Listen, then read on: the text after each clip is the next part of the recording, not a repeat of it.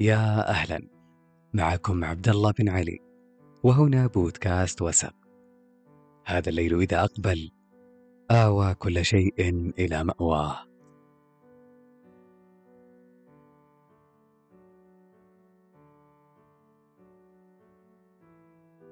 الملل شعور شائع قد يصيب الشخص تدريجيا قبل أن يبدأ في تلوين حياته بالكامل باللون الرمادي الباهت.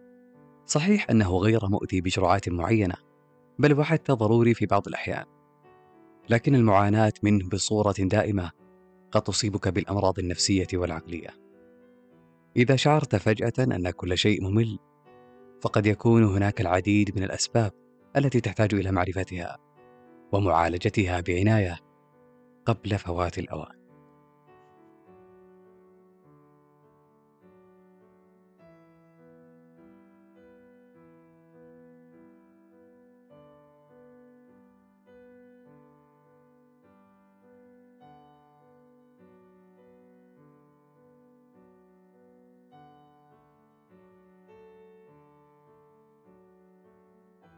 لماذا نشعر بالملل؟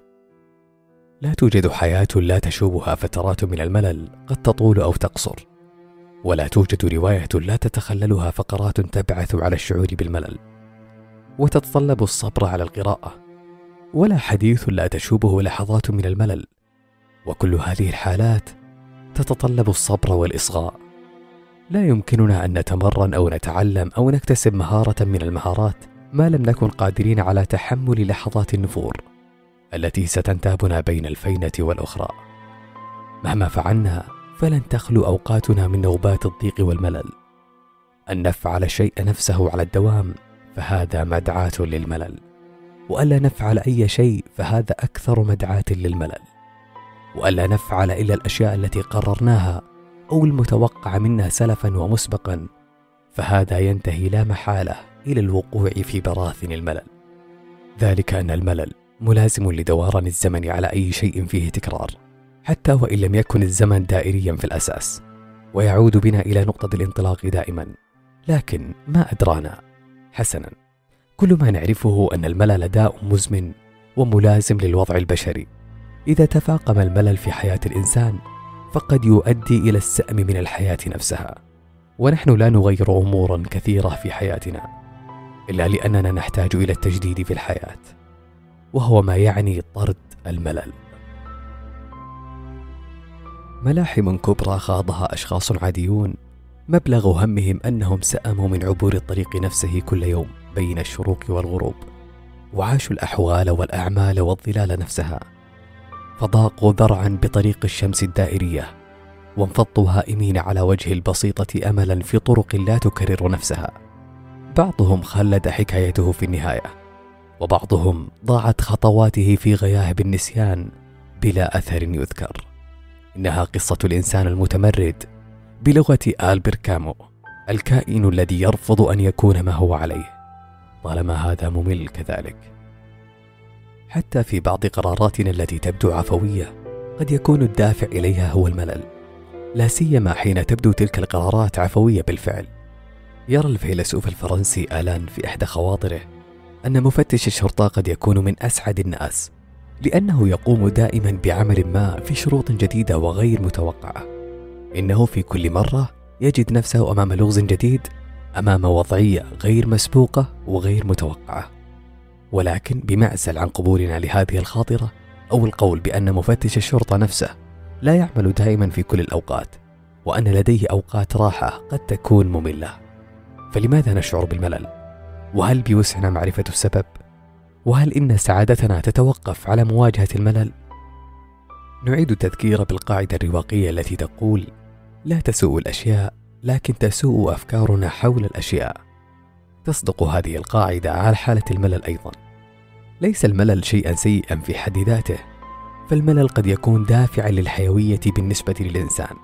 أسوأ مواجهة للملل حين نظن أن بإمكاننا الهروب من الملل عن طريق التسليه فنحاول قتل الملل بأمور تلهينا عن الإبداع في شروط حياتنا.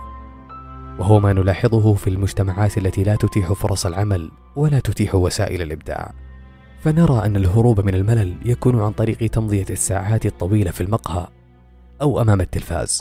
كما نلاحظ أن إدماننا على تطبيقات الهاتف النقال هو مثال بارز لأعراض الهروب اللاعقلاني من الملل. والحال أن الملل في حد ذاته ليس سيئا بل العكس. إنه فرصة للتفكر وللانتباه إلى أننا ندور في حلقة مفرغة ونكرر الأعمال نفسها غير المنتجة وغير المبدعة.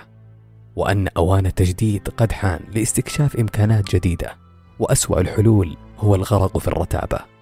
فالرتابة تؤثر سلبا على صحة الدماغ كما تؤكد معطيات طب الأعصاب اليوم. هكذا يمكن للشعور بالملل أن يكون دافعا إلى أن نصنع ما لم يصنع وأن نبدع ما لم يبدع ونكتشف ما لم يكتشفه السابقون ونذهب إلى حيث لم يذهب الآخرون ونقتحم أقصى مناطق المجهول. ولو أدركنا ذلك لاكتشفنا أن الملل قد يكون دافعا للإبداع والإحداث تغيير في مسار الحياة يؤدي إلى السعادة والاعتزاز بما أنجزناه. نحن نصنع المفاجأة. بحيويتنا في اقتحام الحياة وبأن نعمل ولو في بداية لا تعجبنا وتدفعنا لتطوير وتحسين قدراتنا وبأن نزداد معرفة فالمعرفة بحد ذاتها دهشة ومتعة وفرح. الفرح فجوة في رتابة الزمن سيولة جزئية وخلاص مصغر لكنه لا يأتي من الاستسلام للرتابة أو التكرار والملل. يقول المحلل النفساني الأمريكي إيريك فروم الإنسان هو الحيوان الوحيد الذي قد يشعر بالملل. نضيف لذلك فهو الحيوان الوحيد الذي يبحث دائما عن الجديد وحين لا يجده يصنعه.